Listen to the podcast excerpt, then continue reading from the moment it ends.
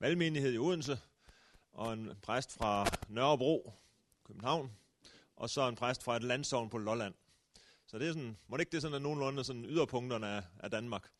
Øh, sådan i, i, i kulturelle og kirkelige henseender. Så nu øh, får I øh, lov til at komme med et oplæg hver, og vi håber, at Jesper Bakker dukker op øh, fra E45-problemerne.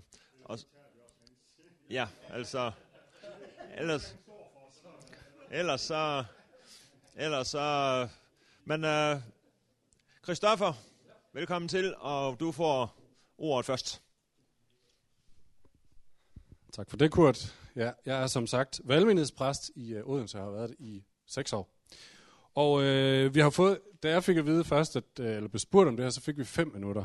Den så altså strukket en lille smule, men det er alligevel forholdsvis skarpt og forholdsvis kort. Og øh, da jeg uden sammenligning er den yngste debattant, debattør, så vælger jeg at begynde med at læse nogle lidt vægtigere ord end min egne, nemlig Luthers. Øh, det synes jeg er en god oplæg til at snakke om gudstjenesteform, nemlig det, han skriver i sin indledning til tyske messe, eller et lille bitte uddrag af dem. Øh, og han siger sådan her, først og fremmest, der er folk, der har altså spurgt, Luther, please, giv os en gudstjenesteform for de her nye gudstjenester. Han siger, først og fremmest beder jeg venligst om, at alle, der ser eller vil følge denne vores gudstjenesteordning, for Guds skyld endelig ikke gør nogen nødvendig lov ud af det. De skal heller ikke besnære eller fange nogen samvittighed med det. For hovedsagen er, at vi aldeles ikke opstiller en sådan ordning for deres skyld, der allerede er kristne. De behøver ingen af disse ting, og vi lever heller ikke for deres skyld. De lever derimod for dem i blandt os, der endnu ikke er kristne, for at de kan gøre dem til kristne. Men allermest har man den for helt almindelige mennesker og for de unges skyld, som dagligt skal og må opøves og opdrages i skriften og Guds ord.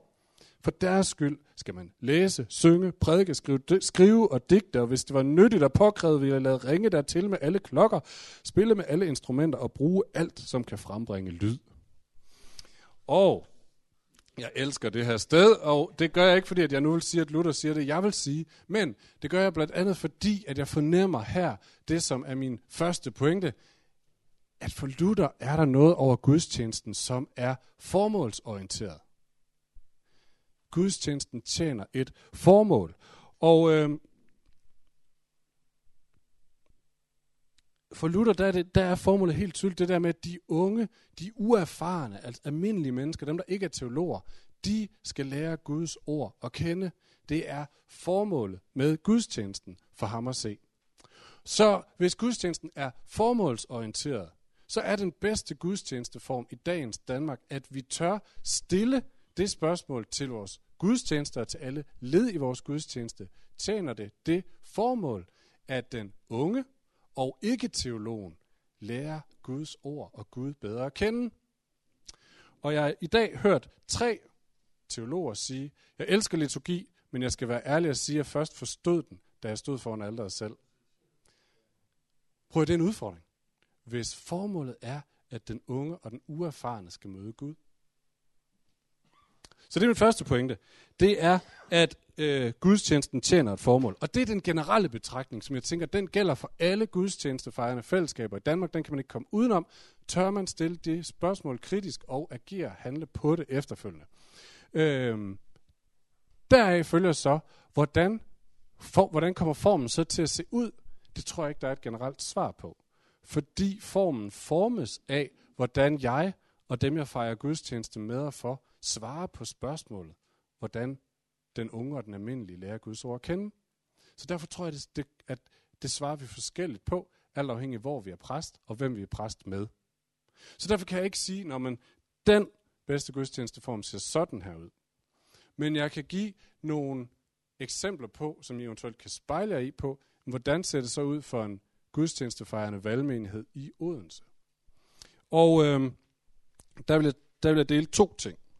Og øh, under overskriften, at gudstjenesten fortæller en historie for mig. Øhm, vores menighed er en bymenighed, består langt primært af unge børnefamilier og studerende. Samlende for os gælder, at vi er alt for travle alle sammen. Det beklager vi os tit over. Og det betyder, at vi alle sammen hver eneste dag er under en meget massiv påvirkning fra et samfund, som har konstrueret sig uden Gud.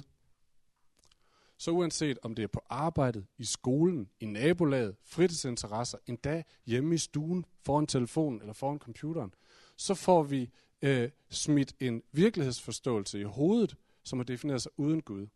Det vil sige, at de har de, den, den, den har defineret, hvad er lykke, hvad er glæde, hvad er håb, hvad er det gode liv, hvad er meningen, hvad er fiasko, hvad er det at fejle, hvad er det, vi skal gå efter og kæmpe for. Det er blevet defineret, det er blevet defineret uden Gud, og vi er under en massiv påvirkning af det. Og mine venner, hvis ikke, hvis ikke, vi, hvis ikke vi kommer med modsigelser, så vinder den. Det er helt tydeligt at se. Så får det defineret de her værdier og de her ting for os i vores liv. Så derfor mener jeg, at gudstjenesten, når den er bedst, fortæller mig en anden historie. Og fortæller mig om mit liv ind i den anden historie. Giver mig et par nye briller og kig på mit liv, min virkelighed, mig selv og min hverdag med. Så lige så snart jeg kommer ind i kirken, så bliver jeg mødt af en forståelse af, eller en forventning om, Gud er her, og han vil mig noget. Det hørte jeg ikke udenfor. Det hørte jeg nu. Jeg bliver mødt af en organist eller en lovsangsleder, som fører mig hen til at lade os prise Herren. Det havde jeg ikke lyst til, eller det tænkte jeg ikke. Jeg ville hellere tænke på min pensionsopsparing. Nej, det er rigtigt at prise Herren. Det er en anden virkelighed. Jeg bliver, øh, jeg får defineret lykke, håb, glæde, det gode liv, fiasko osv. i ord og i tekster og så videre i, i gudstjenesten.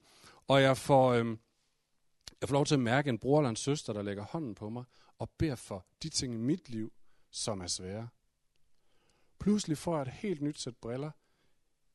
En virkelighed, som siger til mig, du kunne også prøve at kigge på det på den her måde. Og det mener jeg, at den bedste gudstjenesteform i Danmark, i hvert fald i Odense, hjælper os til at trække os ud af den virkelighed, som er ved at løbe af med os, og siger, prøv lige at kigge på det på den her måde i stedet for min ven. Og så er det ikke helt færdigt der, fordi den bedste gudstjeneste viser mig også, hvordan jeg skal beholde de briller på, når jeg går hjem. De fleste af os kender til oplevelsen af at gå fra et eller andet og være helt opløftet fra kirke, og så kommer vi hjem til hverdagen, og så var det egentlig lige svært at gribe, hvad var det nu lige, der var så godt? Det var som om, det var to verdener, to rum. Jeg har øh, nogle pastoral venner, som nærmest satte en ære i, at det var gudstjenesten. Det skulle være det helt andet rum. Vi skulle bruge de længste og mest arkaiske led, for det skulle være så ophøjet. Men det fjerner det fra virkeligheden, og jeg mener, det er nonsens. For jeg mener, det vigtigste, det er, at det giver mig nye briller til at forstå min virkelighed med. Så inden, altså, gudstjenesten, ja, det skal være så naturligt som muligt at gå fra hverdagen ind i gudstjenesten, og fra gudstjenesten ud i hverdagen igen. Der skal være en fuldstændig sammenhæng. Det er det jordiske og det himmelske, der mødes, og, og tingene åbner sig på en helt ny måde. Og øh, i samfundet har vi, eller samfundet har besluttet, at der er en stor forskel på det sakrale, det hellige, og det sekulære, det værtslige, det almindelige. Og det sakrale, det må vi holde for os selv derhjemme eller hen i kirken. Og sjovt nok har vi accepteret det. Og sagt, at det er ligesom to forskellige ting, der er to verdener. Og noget af det, som jeg igen og igen og igen har snakket med folk i min, min menighed om, det er, for Søren, kan du hjælpe mig med at bygge en bro over det, det, det skal, eller bedre endnu, fjerne det. Vi vil insistere på, at, at det, der sker i kirken, et, et spørgsmål, jeg tit stiller øh, i en prædiken eller i en anden sammenhæng i kirken, det er, prøv lige at overveje et øjeblik, det vi snakker om nu, hvad betyder det i morgen kl. 10, når du sidder på dit arbejde? Gør det nogen forskel? Så vi insisterer på, at alt det, vi får tegnet op i defineret og snakker om her, det giver mig en ny måde at kigge på mine venner på, på mine penge på, på min arbejdsplads, på mine kollegaer, på mine børn, på min familie, på mit nabolag på. Det ændrer hvordan jeg kigger på dem, og hvordan jeg lever mit liv. Så, så den bedste gudstjenesteform i Danmark er fokuseret på, hvordan er det den unge og ikke-teologen, den uerfarne, øh, møder Gud. Og specifikt i hvert fald for vores kontekst er det, at her bliver fortalt, her bliver mit liv fortalt ind i en anden fortælling, som definerer øh, alle værdier og alle ting i mit liv på en ny måde, og som sætter mig i stand til at gå tilbage til hverdagen og kigge på det på den måde, og forsøge at leve, ud på det, ud, leve på det ud fra det. Yes. Det er det, jeg vil sige. Det ved jeg ikke. Forurener det ikke bare det hele? Jo, det kan jeg godt. Luther siger først og fremmest, beder jeg venligst om, at alle, der ser eller vil følge denne vores gudstjenesteordning, for Guds skyld endelig ikke gør nogen nødvendig lov ud af det. De skal heller ikke besnære eller fange nogens samvittighed med det. For hovedsagen er, at vi aldeles ikke opstiller en sådan ordning for deres skyld, der allerede er kristne. De behøver ingen af disse ting, og vi lever heller ikke for deres skyld. De lever derimod for dem i blandt os, der endnu ikke er kristne, for at de kan gøre dem til kristne. Men allermest har man den for helt almindelige mennesker, og for de unges skyld, som daglig skal og må øves og opdrages i skriften og Guds ord. For deres skyld skal man læse, synge, prædike, skrive og digte, og hvis det var nyttigt og påkrævet, vil jeg lade ringe dig til med alle klokker, spille med alle instrumenter og bruge alt, som kan frembringe lyd. Således Luther. Tak for det. Så flytter vi til Nørrebro. Jens Christian.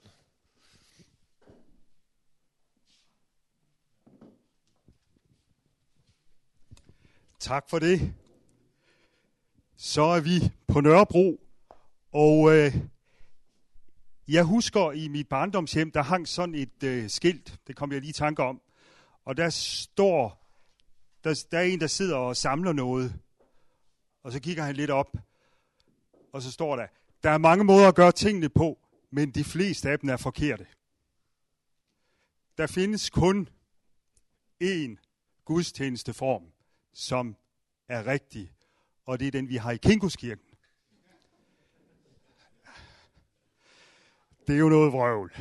Det er jo noget vrøvl. Og det er det af flere grunde, fordi der er jo ikke kun én form, og der er flere præster. Og øh, selv jeg står jo på ryggen, eller jeg ved ikke, hvor man står, når man står i en tradition, men på skuldrene, ja. og øh, det, gør, det gør vi jo alle sammen. Er det for højt? Nej. Du kan høre. En hver reformator, gudstjenestereformator, vil jo altid stå på skuldrene af nogen. Ikke? Ting kommer jo ikke af den blå luft. Det er jo kommet et sted fra. Hvor kommer vores fra? Det kommer jo fra himlen. Det er jo en guddommelig liturgi, vi har fundet frem til. Ej, vi er jo bundet af noget. Vi er jo ikke frie. Vi er jo lutherske.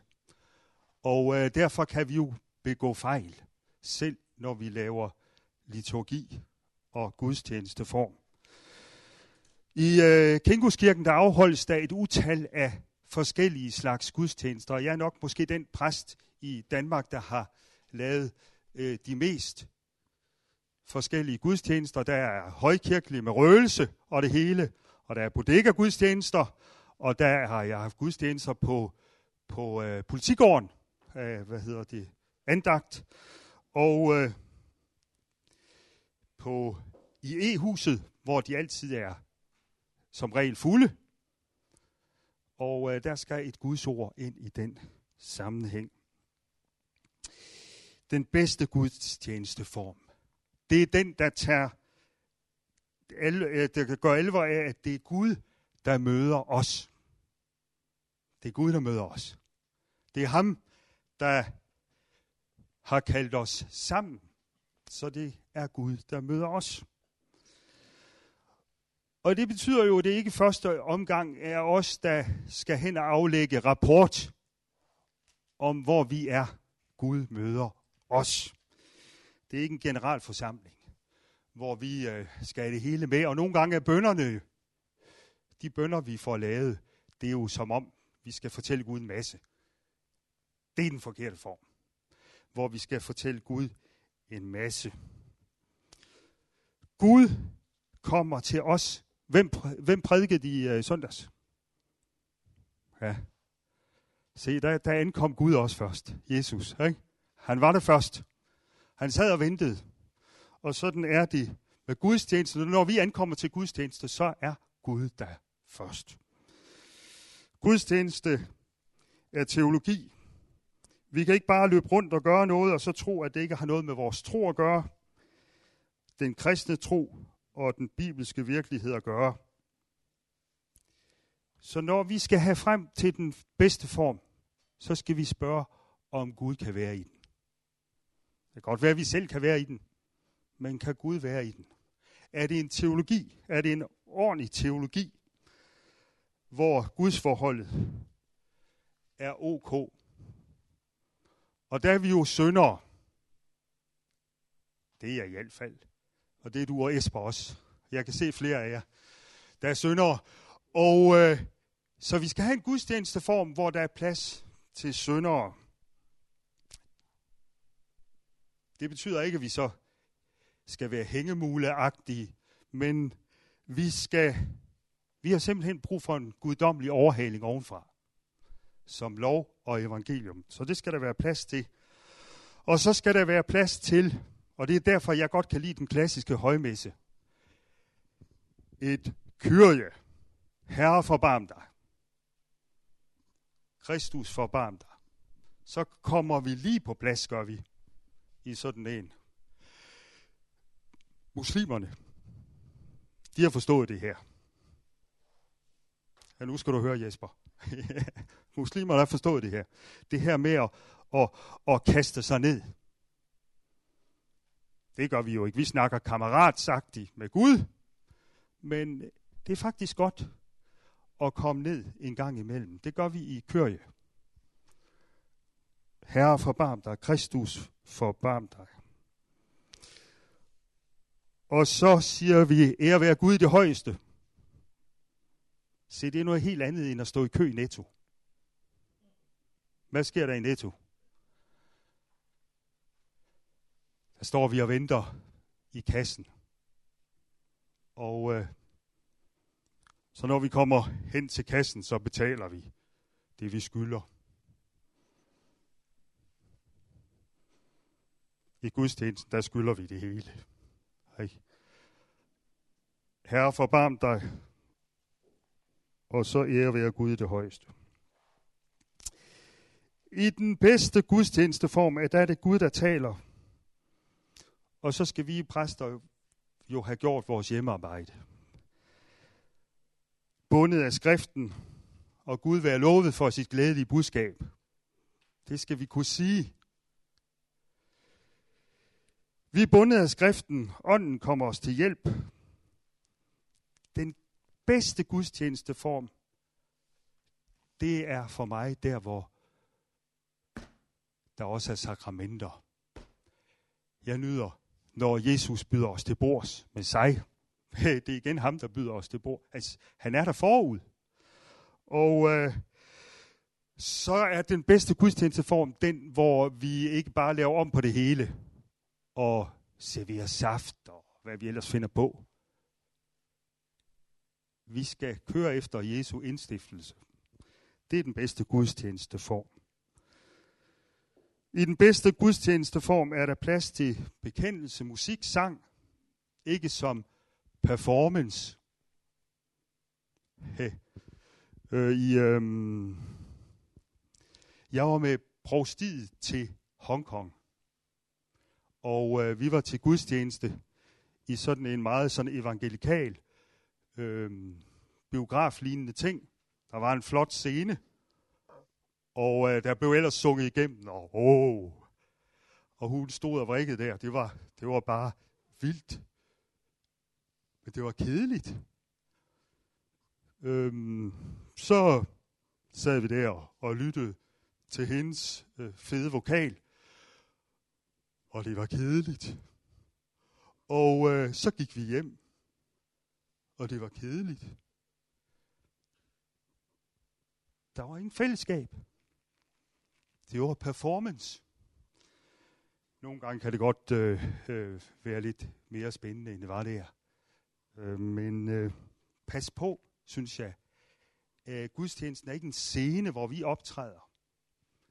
Det betyder ikke, at den ikke må være nærværende. Det tror jeg, det havde jeg faktisk en snak med med en i dag. Jeg var til begravelse. Det var en i familien oppe i Aalborg, og vi sidder til og snakker bagefter.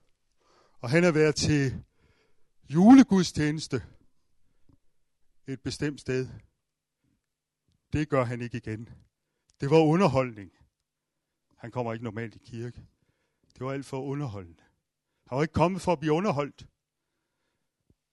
Men han peger netop på det med nærværet. Så vi skal ture være nærværende. Også når vi prædiker, og når vi... Og hvordan gør man det? Ja, det må man lære sig. Så, så det er jo også noget med at, at ture og være i rollen som præst. Tag det på sig, at man er hyrde. Og øh, hvis vejen går den vej, så skal man altså pege den anden vej. Så man skal også have et vist mod. Ja, syv og et halvt minut har jeg brugt. Jeg har to og et halvt minut endnu. De raske har ikke brug for læge. Det har de syge. Jeg er ikke kommet for at kalde retfærdige, men syngere. Nej, syndere. Hvem var det, der sagde det? Jesus. Jeg ved, hvad han mente om det. Hvad, hvad, hvad mente han med det? Han mente det, han sagde. Det skal vi tænke over, når vi holder gudstjeneste, og når vi forbereder os, at øh, der skal være noget til sønderne. Så nogen som os. os. Og hvem er det? Ja, vi er alle sammen terminale. Vi er ved at dø. Alle sammen. Og så skal vi have et ord med på vejen. Et Guds ord, når vi kommer til gudstjeneste. Det er måske det sidste ord, vi får.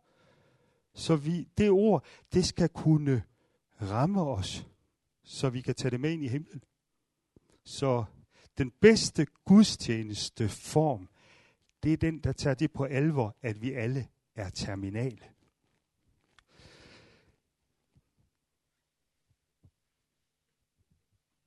Jeg husker, det er det sidste. Øh, det var en bodega-gudstjeneste. Dem kan jeg godt lide, faktisk.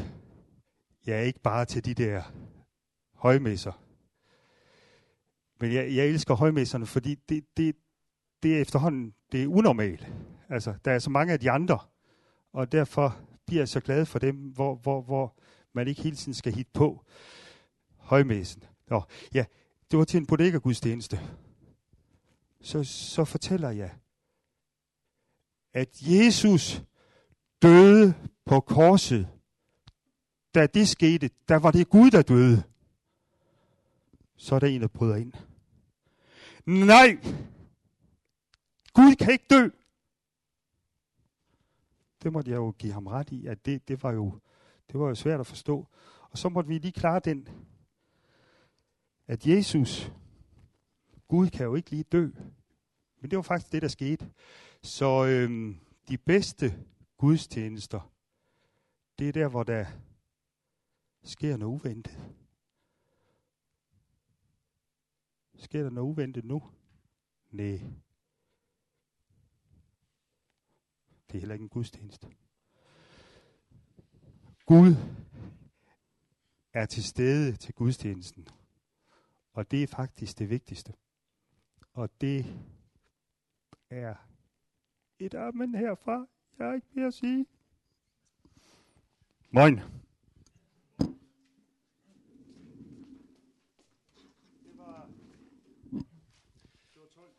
Ja, tak skal du have, Jens Christian.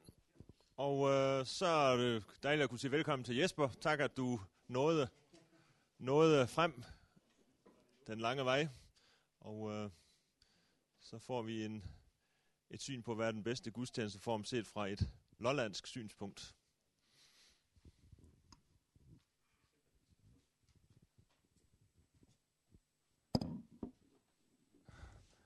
Må jeg låne den her?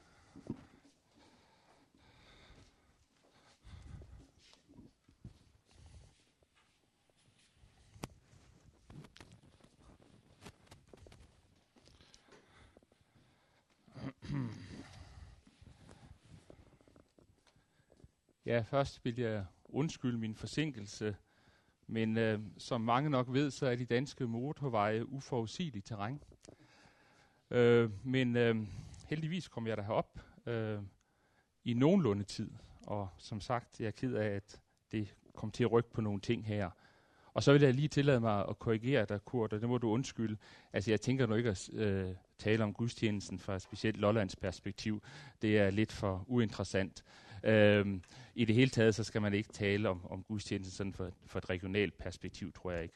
Og så er jeg jo ikke, øh, jeg er ikke opvokset i missionskredse, så det vil ikke sige, at jeg er utryg ved de frie former, men altså, nu har I fået øh, denne, øh, nu har I fået, kan jeg se, sådan, sådan godt mundtlig og nærværende, og nu får jeg så et fuldt manuskript, øh, og det kan godt være lidt tungt, men øh, anderledes bliver det altså ikke. Klager sendes til meningsfakultetet. Jeg vil begynde med en bekendelse. Hverken den apostolske eller den nikenske, som ellers nok hører gudstjenesten til, men en personlig bekendelse. I det erklærer mig ude af stand til at besvare det stillede spørgsmål om den bedste gudstjenesteform i Danmark. Jeg mener, øh, jeg mener lige frem at udråbe den bedste gudstjenesteform for alle overalt i Danmarks rige. Hvordan kan man helt kategorisk og entydigt gøre det? Jeg kan i hvert fald ikke. Men før nogen spørger mig, hvorfor jeg så overhovedet har lavet mig invitere til at deltage i nærværende debat, skal det tilføjes, at selvom jeg værger mig ved at udråbe den bedste gudstjenesteform, vil jeg gerne give et bud på det, som jeg mener karakteriserer den gode gudstjenesteform i dagens Danmark, og hvilke hensyn og formkrav, der synes mig at udspringe af gudstjenestens væsen. Mit forbehold mod at udråbe den bedste gudstjenesteform er i øvrigt også et reformatorisk forbehold.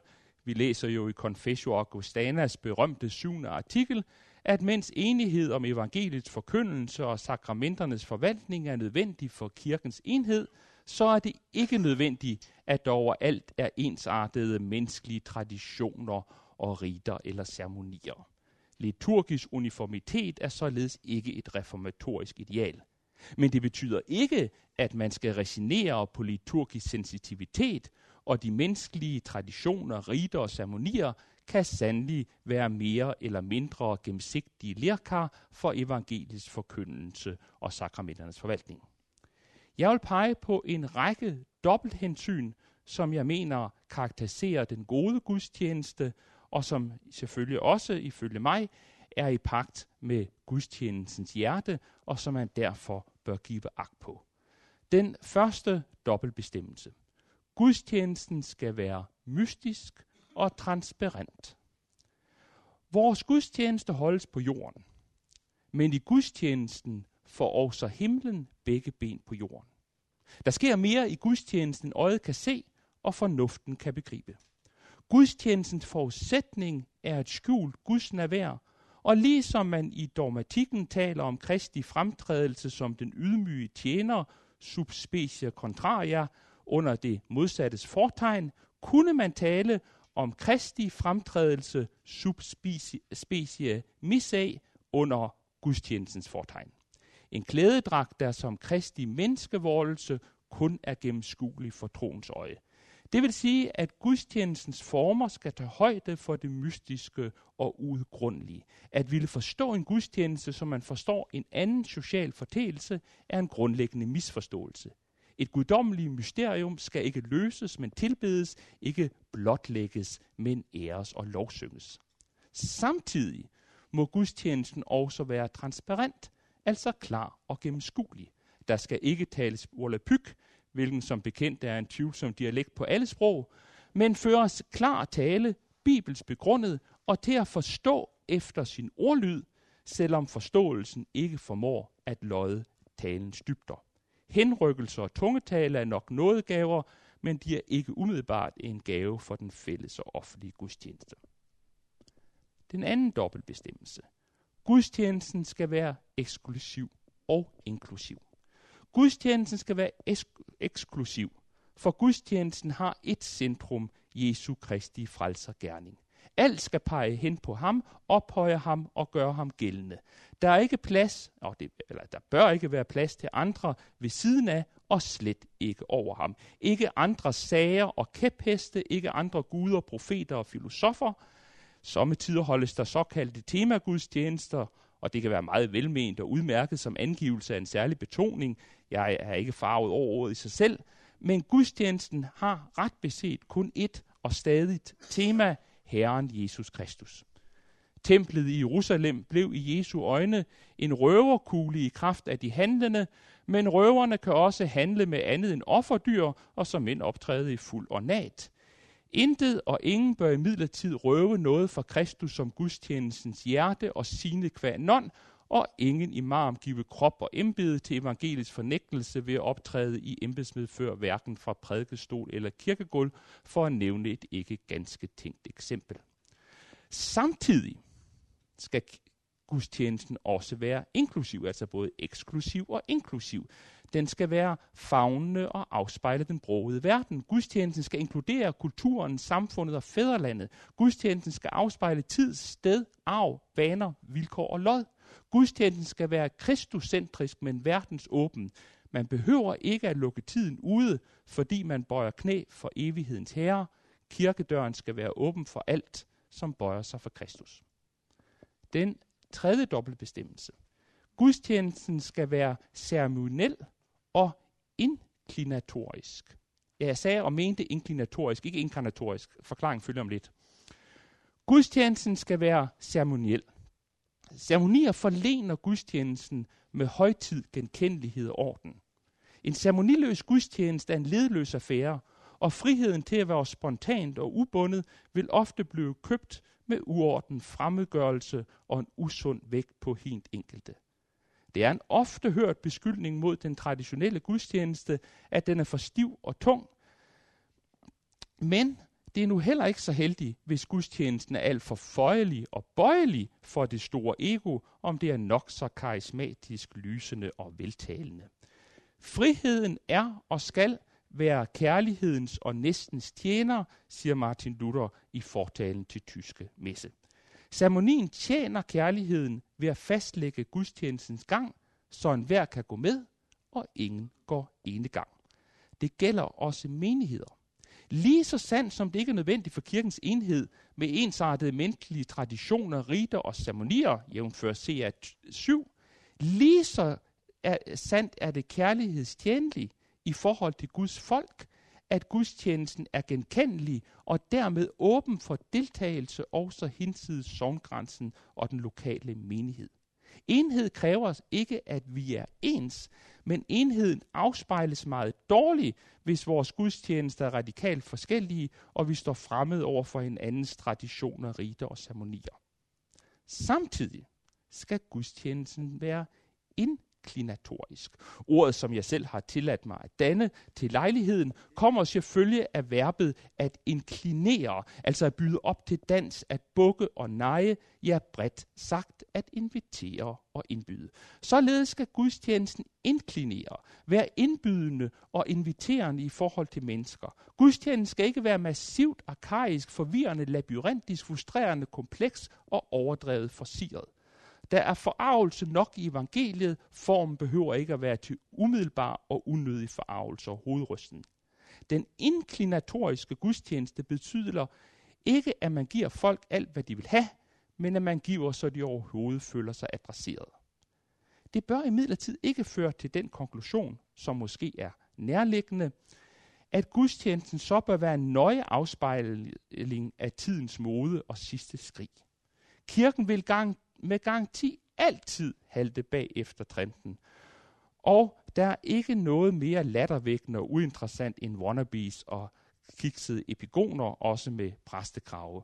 Overfriske gudstjenester med overfriske kræfter er en dilettantisk affære, der nok kan øge præstens popularitet og gode rygte, men sjældnere sansen for evangelisk gudstjeneste. Jeg holder af at gå i cirkus, men jeg holder ikke af at gå i cirkus, når jeg går til gudstjeneste.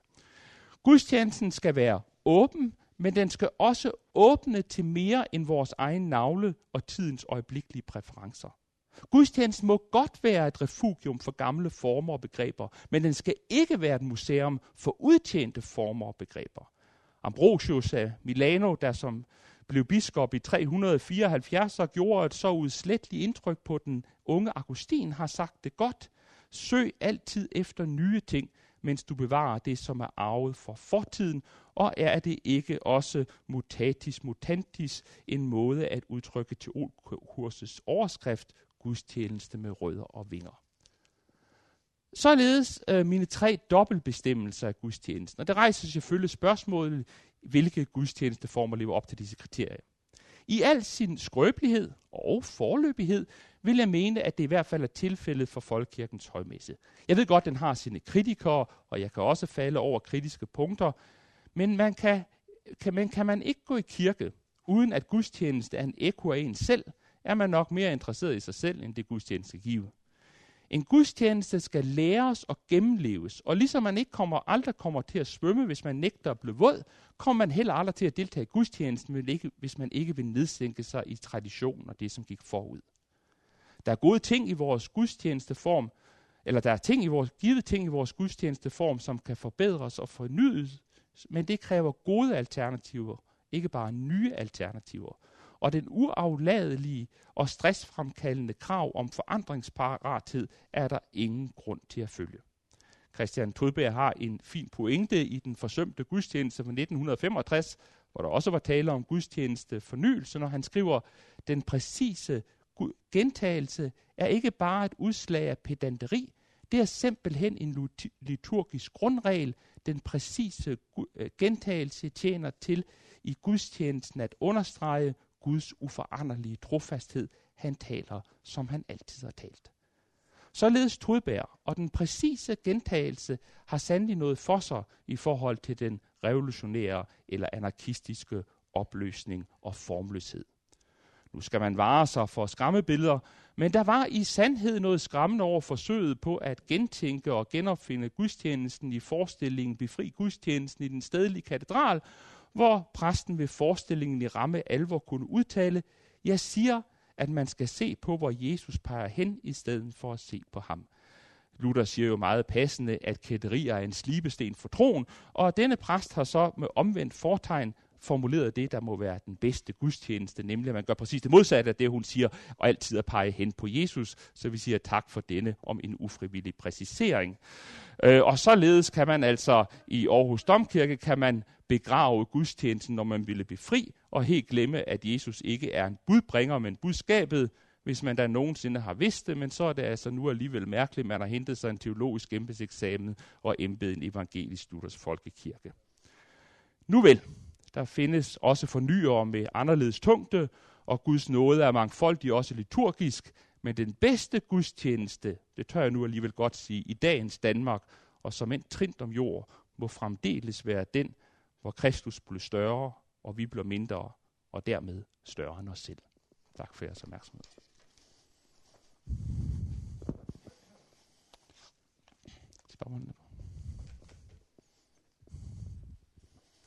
Ja.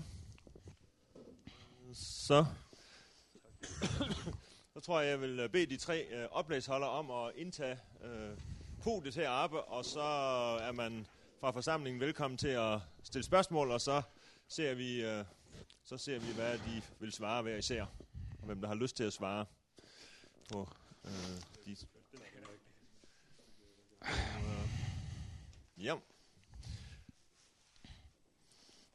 Skal, jeg, skal vi give den til...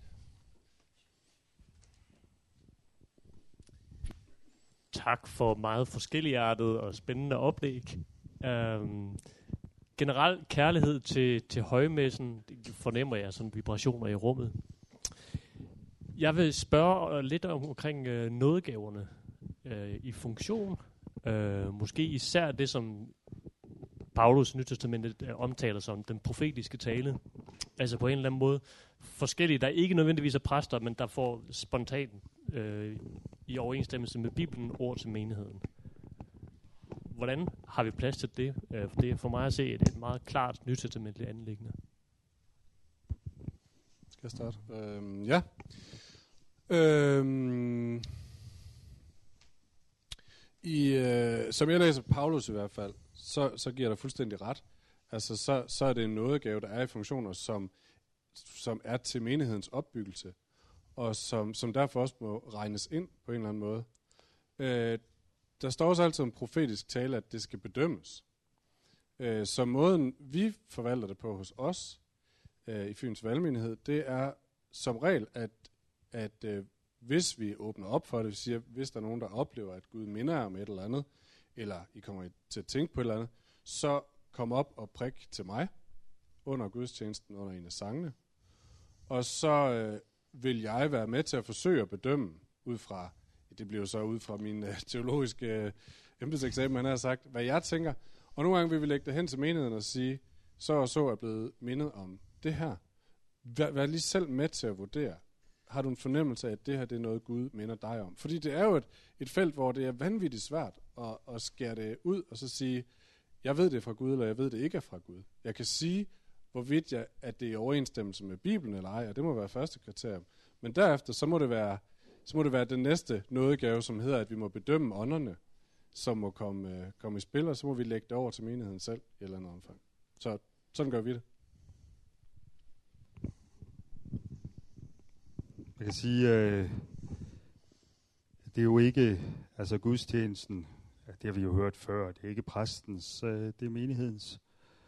Og øh, præsten har den opgave at, at lede og være hyrde og føre og øh, gå bagerst som en god hyrde. Og det betyder jo så også, at, øh, at hvad hedder det, præsten skal have blik for menigheden. Både i det, han siger, men, men også, øh, altså er der nogle ting, som menigheden kan være, kan, kan, kan fungere som kristi læme på, og, og, og der kan man sige, der, jo hos os, der har vi forskellige tjenester, kan man sige, undervejs. Øhm, nogle læser, nogle øh, står for PowerPoint, øh, nogle laver kaffe, og nogle... Så det, det er ikke et one-man show. Og det, det kan vores gudstjeneste godt, eh, nemt godt blive.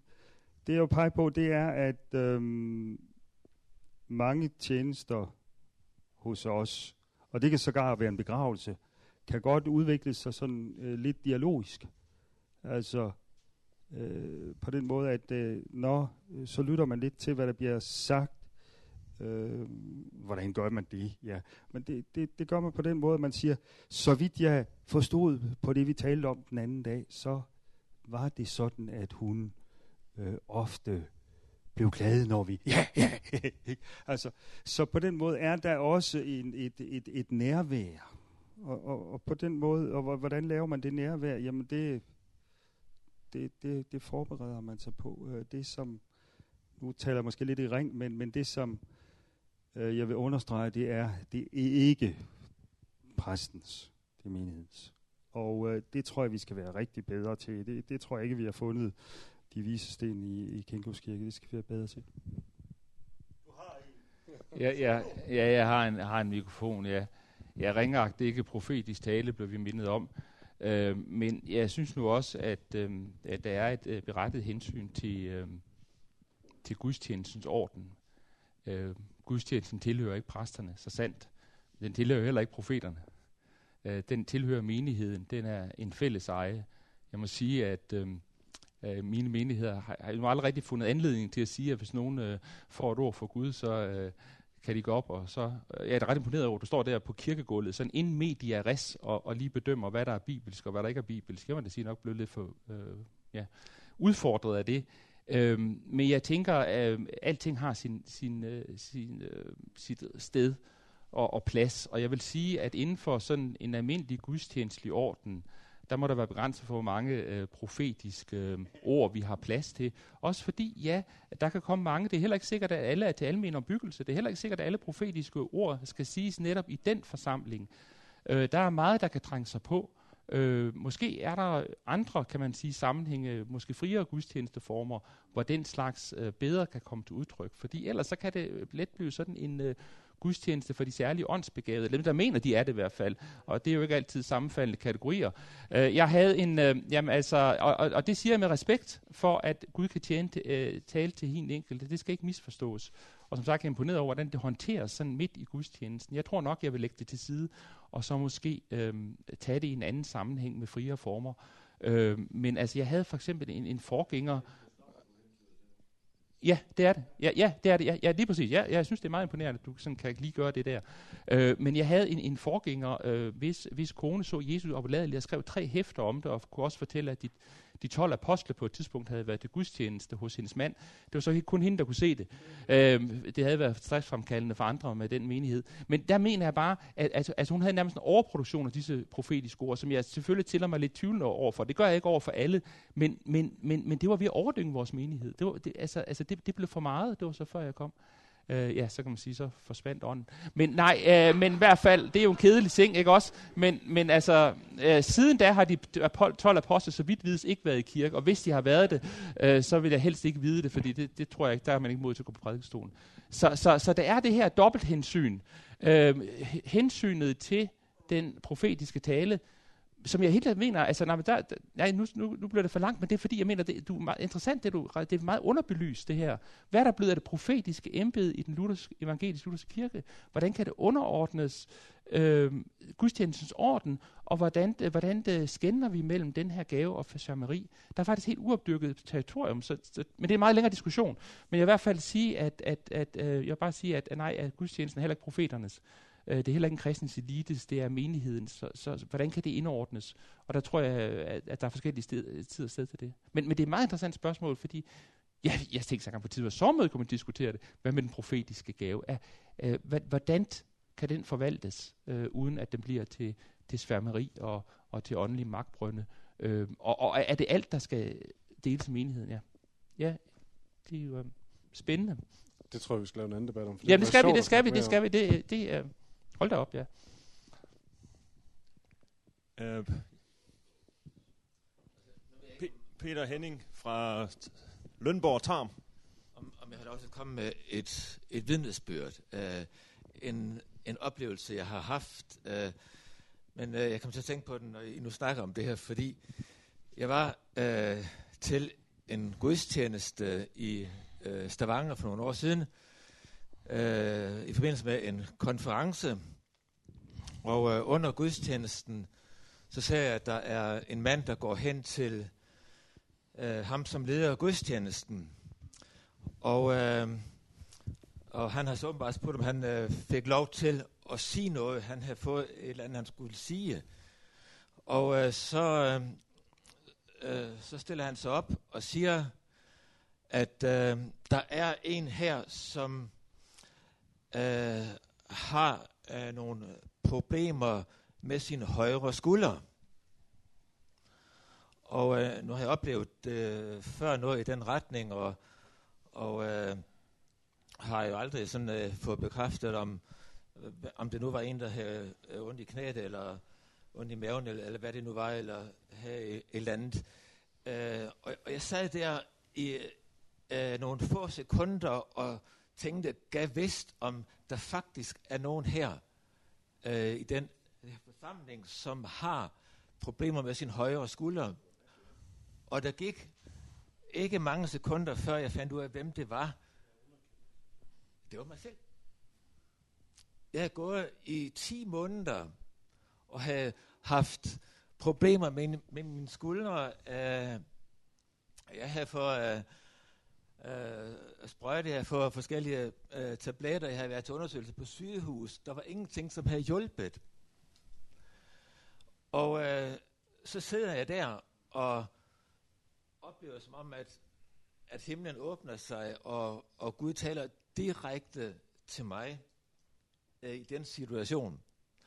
Og, og så er der forbøn, og jeg går hen og, og, og siger til dem, som er forbedere, at, at det er mig, og de beder øh, for mig, og i løbet af to uger er det væk. Jeg har ikke oplevet noget siden. Og der tænker jeg bare, her var øh, nogle nådegaver i funktion under en gudstjeneste, og her blev der plads til, at det kunne udfolde sig. Hvis, hvis de nu har sagt der, og ved du hvad, det er der ikke plads til her, kom igen øh, en anden øh, dag, øh, når vi har arrangeret en speciel gudstjeneste. Men der var plads til det, og dermed så fik Gud lov til at gribe direkte ind. Ja. Øh, er der nogen, der vil kommentere på den kort? Sådan? Ja, det var da dejligt at høre. Altså, det er jo altid dejligt, når der sker noget, og at vi kan sige, at det var Gud, der gjorde det, og være, sige tak, sige ham tak for det. Det, som vi gør, altså i forbindelse med gudstjenesterne, det, det, det er ikke, vi, vi kan godt sige noget sådan, at Gud er helbred, og, og, og, og vi kan sige mange ting. Og øh, det, vi, det vi oplever, det er, at vi er under kirkekaffen. Så sidder vi og snakker, og sådan, og så, øh, jamen så, så er der en, der fortæller et eller andet, så siger, skal vi ikke gå ind og bede? Hey. Og det kan man sige, det, det hænger jo sammen på en eller anden med gudstjenesten, det der er foregået, at, øh, at øh, vi kan bede. Det kan også ske under kirkekaffen, ikke? Altså, at vi, øh, at, øh, at der så skal bedes for et eller andet, ikke? Og, og, og at menigheden på den måde øh, oplever øh, noget ske som forlængelse af gudstjenesten. Kirkekaffen er jo anden halvleg. Ikke? Så det er jo næsten en del af gudstjenesten. Øh, der var Esber Tak for det. Tidemand. Ja, ja, jeg vil da gerne sige noget. Nå, men altså, nu er det jo i menigheden, der tales om nådegaver. Og i min tradition, nu Jesper, han har jo bekendt sine sønner, at han ikke kommer fra missionsbaggrund jo. Men øh, i min tradition, altså i missionske kredse, og det er de to andre jo fra, ved jeg. Nej, jeg er ikke. Hvad? Jeg er ikke oprindelig. Åh, så er det langt tilbage. jo. Så skal jeg kender godt nok din- fortælle jeg dig kender det din om lidt. Far. oprindelig. Læs være med det, og du er kommet i Christianskirken. Uh, Netop. det hører til søndernes bekendelse. ja. Nej, der, der har det jo foregået i missionshusene, i bedekredse og studiekredse. Der har man jo bedt for syge, salvet syge, der har man talt om de ting, og der er der kommet, ved jeg jo også fra min far og i egen regi, kom det, der ligner profetisk tale. Jeg har selv aldrig hørt tungetaler, og jeg har altid været bevidst i mine 40 år som præst, at være klar på, fordi jeg har arbejdet med det, jeg har været øh, er blevet en teolog gennem, øh, hvor den karismatiske bevægelse, den, den blusede frem. Så været parat til at, tage øh, situationen, hvis der var nogen, der rejste sig op og, og sagde, at jeg har en tungetaler, og så har jeg bestemt, hvad jeg så vil gøre jo. Men det er jeg så sluppen for på den fasong. På den anden side, så har vi så fået indført i Christianskirken, inden jeg forlod det jo, altså at der er forbøn under nadvåren, og hvor man kan gå op og bede. Og det var en stor oplevelse, blandt andet fordi det har altid generet mig, at vi i folkekirken, og der giver jeg dig ret, Jesper Bakker, at vi har en folkekirke, og det er voldsomt svært. Der skal være plads til alle, og det er voldsomt svært at gøre det for privat. At man ikke pludselig kan komme op. Uh, det, må, det må måske i et andet forum, og der kan det så ske nu i et øh, i præsteværelset, hvor der er forbøn, og hvor folk kan knæle ned og blive bedt for på en anden fasong. Men jeg vil sige, når du nu spørger, hvor nådegaverne er i vores øh, lutherske sammenhæng, jamen så har øh, jeg altid haft nådegaverne med i, i vores lutherske sammenhæng, men ikke i gudstjenesten. Og som præst har jeg altid arbejdet med, hvordan får vi det indenfor i gudstjenesten.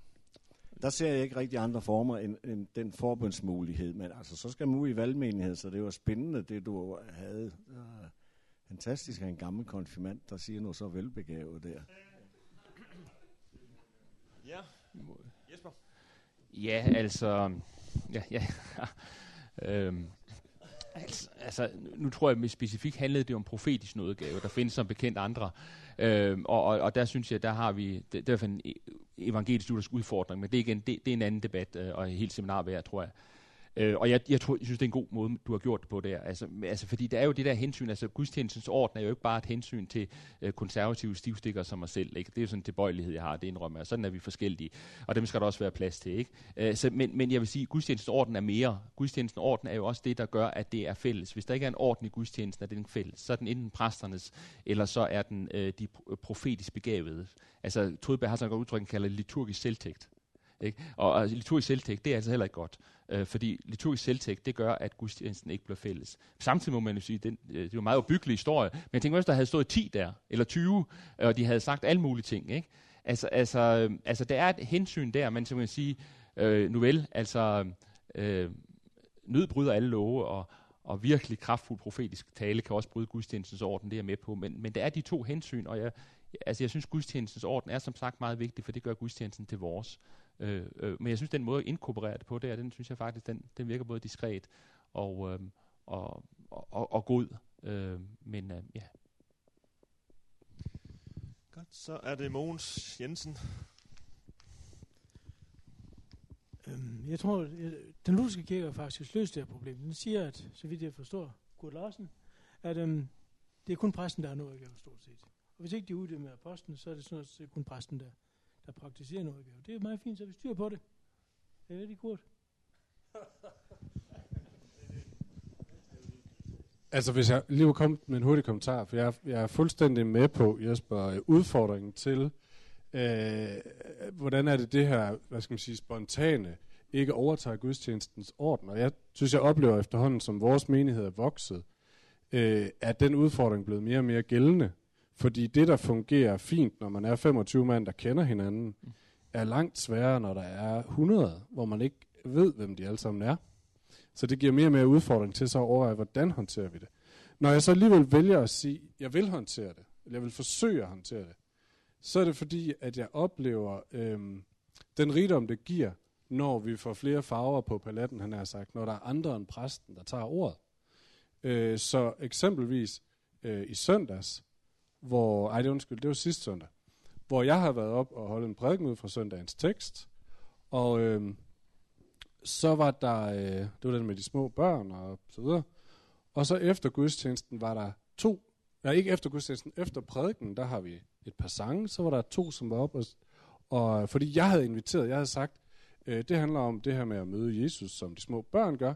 Hvis nogen sidder med en erfaring, som vil være til gavn for nogle af os andre, så, så vil jeg invitere jer til at dele den. Og de kom så op, to spontant og ganske kort delt deres erfaring med det. Øhm, og så efterfølgende var der så, har vi på Facebook sådan en lukket gruppe for dem, der kommer i menigheden, og der var en kvinde, som lige er begyndt i menigheden, som er, altså, jeg ved ikke, hvad man skal sige. Hun har det virkelig, virkelig, virkelig svært. Og øhm, er ikke, jeg tror ikke, vil på forhånd kalde sig selv kristen eller noget, men er begyndt i kirken, og refererer så øh, til den her gudstjeneste, så at det, hun var kommet hjem, og så havde hun siddet, og så havde hun siddet med de ord, jeg havde, og så havde hun siddet med de to historier, som de andre havde fortalt fra deres liv, og pludselig var der ting, som var gået op for hende. Og så, okay, der var noget, der jeg ikke kunne, men der kom de her to andre til, og det åbnede noget nyt, som fik en betydning for hende her kvinden, som jeg knap nok havde håb for. Så, at sige. så, så det, du kan sige, det er argumentet for mig for at blive ved med at kæmpe for at finde en eller anden form, om end det er svært. Ja. Jens Christian. Jeg kom til at tænke på, at øh, øh, et eller andet, jeg manglede undervejs, øh, det er jo, øh, gudstjenesten er skøn. Ikke? Og øh, den skønhed, hvordan, hvordan får vi, øh, det er jo himlen, hallo, ikke? Hvordan, hvordan får vi gjort den himmelsk? Hvad forbinder I med himmel? Det er måske lidt forskelligt, når det egentlig kommer til stykket. Men ja, jeg kan faktisk godt lide sådan noget skønt med blomster og processioner og så en masse en masse højkirkeligt Liam Larm, ja. Så sådan er det for nogen, ikke? Og øh, og hvorfor er det lige det er det? Det er fordi du har den der tradition med, med dig, ikke? Vi har noget tradition med os. Noget vi er glade for. Og øh, hvad gør vi så, når vi har øh, 57 traditioner, der kolliderer? Så gør vi, som præsten bestemmer. Ikke?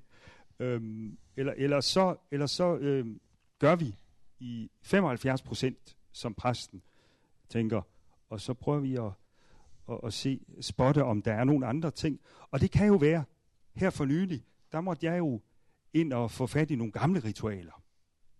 Kurt, han, han ved det godt. Øh, øh, og det var, øh, der, der kom en muslim, som han, han var, havde forladt det.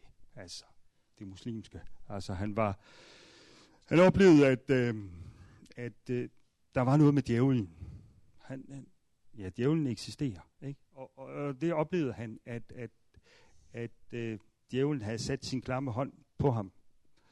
Og så kom han, øh, han kunne ikke få, få fat i øh, en, en øh, nabopræst. Det var jo heldigt. Jeg siger ikke lige, hvem det var. Men, men, men øh, og øh, så ringede jeg over til kordegn-kontoret, og, og så, øh, det, det gjorde en anden kordegn, så, øh, så øh, var, det, var, var det en præst over i Kinko? Ja, det var der. Og øh, så kommer han op og øh, fortæller jo, altså, ser jo faktisk ramt ud. Altså. Og øh, jeg øh, siger til ham, du skal døbes. Du skal døbes. Men det kan du ikke blive nu. Altså, øh, fordi er det noget, er der noget, der virker, så, så er det dåb, hvis man skal have ud med djævlen, ikke? Altså, så, så, er det, så er det dåb, ikke? Øhm, og øhm, så, men, men vi skal i gang med en undervisning, ikke? Men lad os gå ned i kirken, ikke? Og så, og så blev der bedt, og, og, og der skete noget, ikke? Vi, vi er jo bare stik i randdrenge, ikke? Øh, og øh, det er Gud, der virker ved sin ånd. Og øh, her for nogle få måneder siden, så blev han døbt. Og så måtte jeg jo have eksorcisme ritualet frem, ikke? Og øh, far ud, du urene ånd. Og øhm, det, var, det, var, det var stærkt. Ja, ja. Og jeg har brugt det siden nu her, fordi nu var der så en... Øh, øh, jamen altså, øh, det, det ved vi jo. Det, det sker. Vi, er, vi har jo kun korstegnelsen. Det er bare for at sige, nogle gange så må vi have fat i noget af det gamle gods. Og øh, vi skal ikke have fået smidt alt. Altså, at vi, vi får gjort øh, alle de gode gamle ting. Det var også derfor, jeg sagde, kører jeg gloria og det hele. Ikke? Altså, vi skal ikke smide det, det gamle gods ud. Vi skal, vi skal, eller vi skal turde tage det gamle frem igen. Ikke fordi det er gammelt. Og det havde du nogle kloge ord om, men fordi det, fordi det virker. Vi er nomader. Vi er restløse. Og derfor har vi brug for at blive stanset. Amen. Ja, øh, Nils Jørgen Fogh fra København. Jamen, øh, det, det er sådan lidt andet spor. Øh, jeg synes, øh, det der med gudstjeneste og hverdag og unge familier og det hektiske liv og få gudstjenesten og hverdagen til at hænge sammen og til at forandre hverdagen, synes jeg er en stor udfordring og meget vigtig. Og nu er så tænker jeg sådan, jamen jeg kan ikke lade være med sådan, når jeg sådan tænker på vores egen menighed derhjemme. Nogle af dem, der kom til tro på Jesus i en ret sådan moden alder, de øh, går til gudstjeneste hver søndag og begynder at læse i Bibelen stort set hver dag. Der, der, der, der sker faktisk en voldsom åndelig og menneskelig forandring. Nogle gange meget, meget hurtigt. Og det er jo dejligt. Men så sidder jeg nogle gange med en frustration, fordi der samtidig er en gruppe i kirken, som har siddet til gudstjenester i en menneskealder, som dårligt nok kender deres bibel, eller kan sætte ord på deres tro. Og så kommer jeg til at tænke på, hvad, hvad, hvad er der galt? hvad, hvad, hvad er der galt med gudstjenesten, siden den ikke øh, flytter mere? Er det fordi, vi ikke formår at tænke hverdagsliv og gudstjenesteliv sammen? Eller er det fordi, at vi tillægger søndagsgudstjenesten for stor betydning. Vi udruster ikke folk til at leve med Jesus i hverdagen. Øh, det, det, det bliver til den der halvanden time om, om, om, om søndagen, hvor himlen møder jorden. Det, det skal Peter Haldorf sige noget om øh, øh, senere på, på, på kurset. Men, men kunne du sige lidt, eller kunne I sige lidt mere om det, hvordan hvordan får gudstjenesten betydning for det liv, der leves i familien og på arbejdspladsen om mandagen og tirsdagen og onsdagen? Jeg, jeg tror, man kan overbelaste gudstjenesten og have for store forventninger til, hvor meget den kan flytte, faktisk.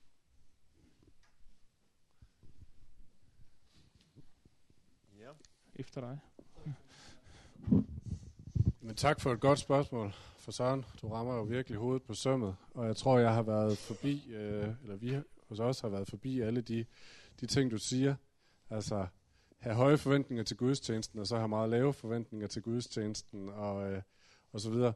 Øhm, så hvad tænker jeg egentlig? Øhm, jeg tænker, der er noget, der sker til gudstjenesten, som øh, katalyserer det, som sker andre steder. Altså fordi gudstjenesten er det sted, hvor man trods alt har folk samlet, og hvor man kan tvinge folk, så at sige, ind i den fortælling, som jeg sagde lige før. Øh, hvor vi bliver revet ud af, af det, som verden er ved at løbe afsted med os med, og som tiltaler vores gamle Adam. Øhm, og hvor vi siger, nej, men ven, kig lige på det på en ny måde. Og, øh, og, og sådan er det også rigtigt. Men jeg tror ikke, at gudstjenesten alene en gang hver uge, 14. dag, hvor tit man nu kommer afsted, kan bære det, som du også selv siger. Det tror jeg simpelthen ikke. Øh, så jeg tror, jeg tror i den grad også på, at gudstjenesten på en eller anden måde skal, skal stille den udfordring. Øh, hvordan er det, du tager det her med videre? Øh, og det kan man gøre i gudstjenesten. Det kan man jo i en menighed også forsøge så at bygge, bygge andre former for strukturer på. Og så sige, ja, det er jo så gudstjenesten. Men hvem er det, du vandrer med i hverdagen? Eller øh, hvordan er det, det her det for liv hjemme hos jer, i jeres familie? Øh, I vores menighed har vi øh, haft forskellige forsøg på samtale, forløb. Jeg tror, det, det, det altså med forældre om, okay, hvordan, hvordan får det her liv i en børnefamilie? Fordi det, det synes vi jo alle sammen er en udfordring. Og øh, på et tidspunkt kørte vi det simpelthen på Skype, fordi øh, udfordringen til at få samlet øh, småbørnsforældre på en hverdagsaften, eller nogen som helst andre tidspunkt, var fuldstændig uoverstigelig. Så folk kunne ikke bare lige tage afsted, fordi de havde haft travlt på arbejde hele dagen og var trætte, og så skulle børnene passes. Så sagde vi, så foregår det på Skype. Så er det en time hver anden uge, efter børnene er blevet puttet på Skype. Så kan alle være med, man kan sidde hjemme i sofaen. Og så simpelthen en samtale om, hvordan er det, det her det kan få krop og sjæl hjemme hos os. Øh, så nej, jeg tror ikke, gudstjenesten klarer det alene. Men, men, men det må på en eller anden måde hele tiden være en udfordring til, hvordan er så den model, der fungerer i den fase af livet, som I er i, eller vi er i lige nu? Ja, jeg ved ikke, om jeg svarer på dit spørgsmål.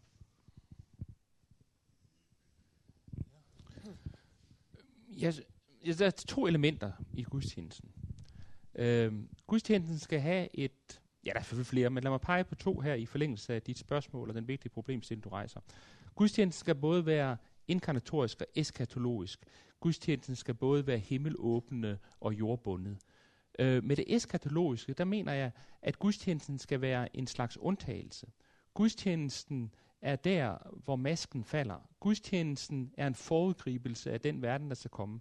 Øh, ofte er det jo sådan, det hører man fra religionskritikere, at de siger, jamen øh, gudstjenesten det er sådan et slags refugium når man ikke kan klare øh, virkeligheden, så er det sådan en, en, øh, en lille boble, man kan komme ind i, og, og så kan man sidde derinde og, øh, og have nogle åndelige oplevelser, så skal man ud i den virkelige verden. Men øh, ifølge den kristne selvforståelse, der er gudstjenesten jo ikke sådan et lille refugium, hvor vi kan tage en slapper for virkeligheden. Der er den foregribelse af virkeligheden. Gudstjenesten er altså det mest reelle af alt, mens det andet er det irreelle og det forgængelige. Men det betyder, at gudstjenesten kommer til at stå selvfølgelig et spændingsforhold også til, til hverdagen. Ikke? Og derfor kan jeg godt lide, at gudstjenesten ikke være alt for hverdagsagtigt. Vel? Det skal ikke være sådan, at vi sidder nede i stuen eller sådan noget. Der, der skal være noget højtid. Fordi, ikke fordi gudstjenesten skal være utilgængelig øh, og stiv, men fordi at gudstjenesten den skal vise os en anden verden. Gudstjenesten er noget af en anden verden i verden. Øh, så den skal altså have det her eskatologiske element, og det der gør, at den også ikke er løsredet for vores hverdag, men står i et spændingsforhold, og ikke bare er lige med vores hverdag, ikke en simpel afspejling af vores hverdag. Så gælder det selvfølgelig også, at gudstjenesten skal være inkarnatorisk. Gudstjenesten skal have begge ben på jorden, som jeg sagde. Øh, altså, det er jo faktisk kristendoms historie, det er, at himlen får begge ben på jorden. Ikke? Øh, og, øh, og det betyder selvfølgelig, at det liturgiske liv ikke standser ved kirkedøren det liturgiske liv ikke selvfølgelig et liv efter ritualbogens bestemmelser, men et, et liv, der er i stadig tjeneste. Hvad er det, vores kender det smukke Luther-citat, hvor Luther siger, at hvis enhver tjente sin næste, var verden fuld af Guds tjeneste. Øh, altså, så det, der kan man sige, der, der er en klar øh, fortsættelse af gudstjenesten. Kan man sige, at gudstjenestens øh, liturgi, øh, som er ofte altså sakramental og homiletisk, den øh, fortsætter i hverdagen som noget, øh, som noget etisk øh, ikke mindst. Altså som et liv i Kristus. Men selvfølgelig også et, ikke bare øh, som gerninger i Kristus, men også som en, øh, et, øh, et, et bønsliv i Kristus. Øh, så, så man kan sige, at det liturgiske liv, det skal fortsætte, men det skal fortsætte på en anden måde, fordi det, det, som man siger, det sakramentale øh, liturgiske liv, det er reserveret gudstjenesten. Ikke? Ja, man kan selvfølgelig også holde mad, nadver hjemme, men igen, det bliver en usund privatisering af nadveren. Øh, så, så, så begge dele gælder. Øh, og, øh, og så, så er det jo sådan, at gudstjenesten i sig selv, er, er, er gudstjenesten missionerende i sig selv? Ja, det kan den være. Øh, det fortælles jo, at, øh, at øh, russerne de i sin tid øh, blev ortodoxe kristne, fordi øh, øh, den russiske, ja på det tidspunkt var det jo ikke en zar, øh, øh, fandt, hans udsending fandt, at, den, at, at deres gudstjeneste var den skønneste. Ikke? Altså, altså der, var, der havde gudstjenesten en missional karakter. Men jeg vil nok egentlig sige, at, at, at gudstjenesten er samtidig også for den menighed, der har hørt evangeliet. Ikke? Altså, gudstjenesten er, kan godt være utilgængelig for dem, der ikke har hørt ordet. Så, så, så samtidig er, er gudstjenesten er ikke i primær forstand en, en, øh, en missional øh, aktivitet, selvom den godt kan have det afkast og den bivirkning, og så den kan virke sådan på folk. Øh, så, så, så spørgsmålet er selvfølgelig, hvordan vi får øh, gudstjenestens eskatologiske element, som den aldrig må miste, koblet sammen med det øh, inkarnatoriske element, og hvordan øh, det liturgiske liv fortsætter, men det fortsætter i en anden form øh, i, øh, i hverdagen, således at kan man sige, at hele, hele hverdagen blev præget af den virkelighedsforståelse, som kommer til syne i gudstjenesten, som i sandhed er den sande virkelighed. Ikke? Altså vi, vi går til gudstjenesten for at se, ikke for at flygte fra virkeligheden, men for at se den. Ja. Ja, det gav da i hvert fald en vis effekt, må man sige. Ja. ja. Hold da Ja, op.